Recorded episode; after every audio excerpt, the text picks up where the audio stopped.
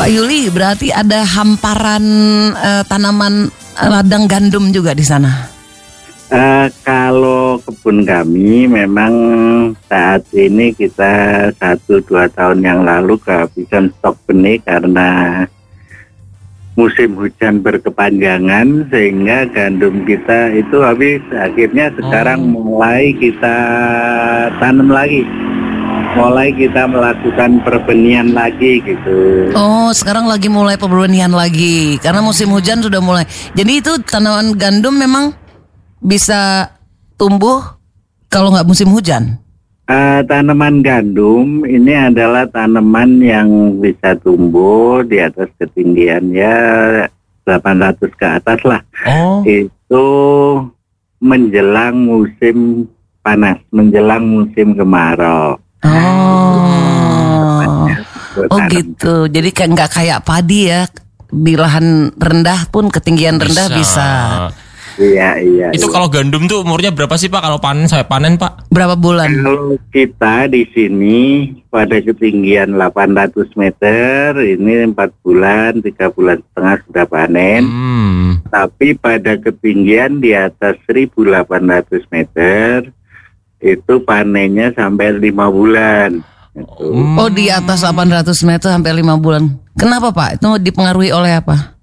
Suhu udara di mana semakin naik Oh, semakin dingin, tapi Hmm. produksinya semakin bagus. gitu. Oh, gitu. oh hasilnya semakin bagus. Tapi lama kalau makin dingin.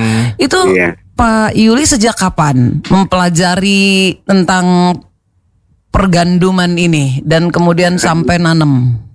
Saya mulai mencoba-coba itu tahun 2001 ya. Hmm.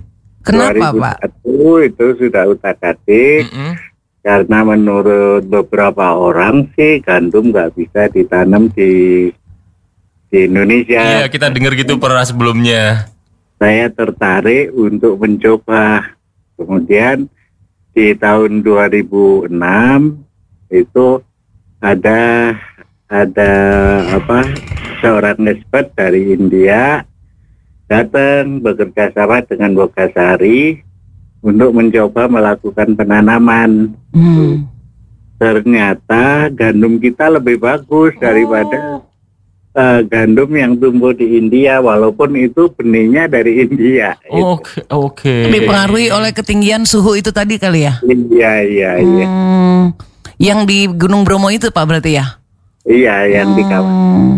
Dan sejak itu kemudian Pak Yuli akhirnya bertani. Akhirnya saya bertanam gandum sampai luasannya ya kurang lebih hampir 200 hektar diikuti oleh para petani-petani itu. Wow, luas sekali. 200 hektar satu desa gitu, orang satu desa gitu Pak.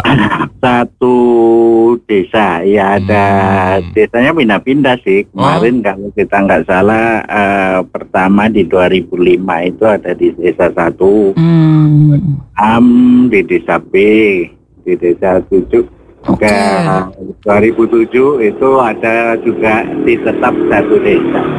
Oke. Tapi di sini eh, petaninya ya memang kalau kita barang baru itu perlu sosialisasi, perlu kesabaran, ketelatenan untuk menunjukkan pada petani oh gini lo tanam gandum, oh Mm-mm. gini lo ini bisa cocok di sini dan merupakan hasil sampingan yang Hmm. cukup tapi bagi pendapatan para petani. Mesti diyakinkan ya para petani itu biar terampil dapat eh, pengetahuan, keterampilan juga.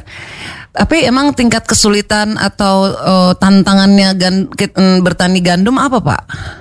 Kalau tantangannya sebetulnya gandum ini boleh dikatakan tanaman gampang-gampang susah ya. Hmm. Gampangnya asal dia bisa memanfaatkan apa situasi kelembapan udara yang cukup cukup dingin itu sudah bisa tumbuh dengan sempurna utamanya pada daerah-daerah tinggi. Hmm.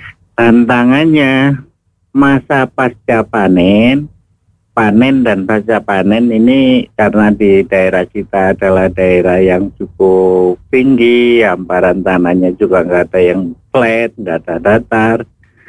Akhirnya panennya biayanya mahal. Oh, gitu.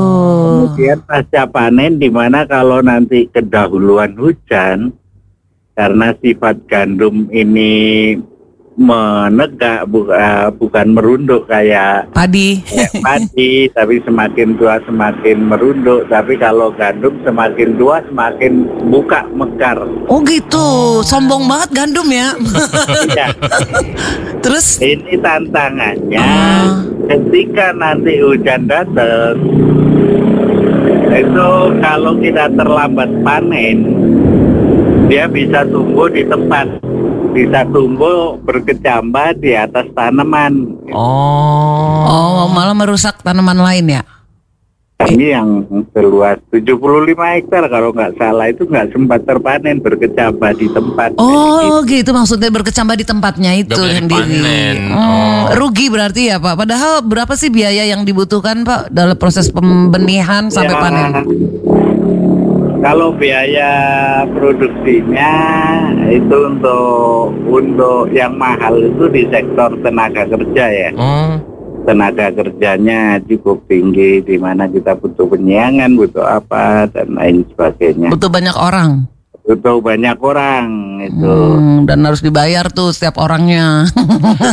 Tapi keuntungannya lebih besar nggak? Kalau saat ini, kalau pada waktu itu sih kita masih masih rendah harga gandum ya.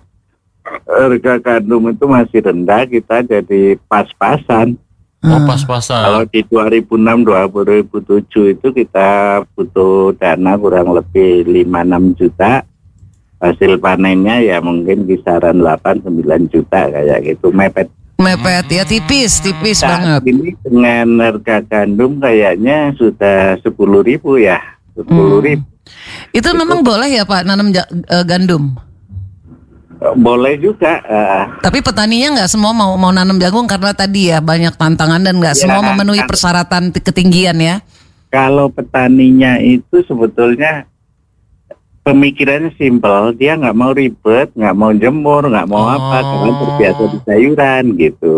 Ya kalau nanam sayuran kan begitu panen langsung jual aja. Panen Untuk bisa jual jadi duit, Iya. tapi belum perlu pengeringan, perlu Hmm. Rontokan dan lain sebagainya. Repot dikit gitu harusnya mau Iya, tapi kalau agak. kalau serius bisa bagus ya Pak ke depannya menguntungkan ya Pak. Serius bisa bagus, sebetulnya bisa bagus. Oh, Hanya perlu ketelatenan untuk mensosialisasikan. baiklah. Kemudian pengumpul kita punya potensi yang cukup banyak ya di Indonesia di mana daerah-daerah medium walaupun hasilnya nggak setinggi di daerah tinggi, daerah di kawasan seribu Heeh.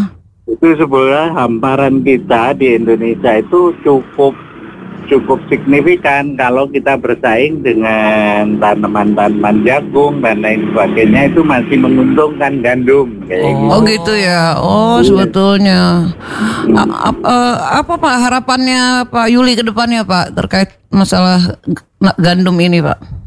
Kalau harapan kami sebetulnya kita nggak ngimpor terus ya gandum. Iya. Kita nggak selalu mengimpor gandum yang setiap tahunnya berapa duit yang dibelanjakan Hmm. untuk negeri, Mm-mm. untuk petani-petani di luar negeri. Artinya Pak Yuli Kita- yakin ya kalau kita nanam gandum bareng-bareng bisa mengurangi impor itu Pak?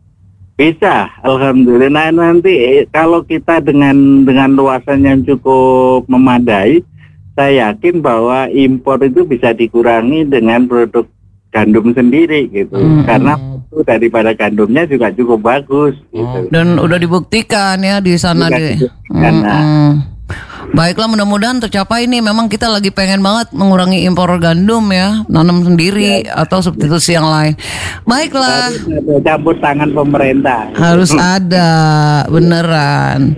Baiklah, makasih Pak Yuli udah mau cerita. Ini berarti sekarang udah mau ada. Ntar kabari ya Pak kalau udah mau panen lagi lima bulan lagi ya Pak. Siap, siap, siap. siap, siap. Sampai jumpa lagi Pak Yuli.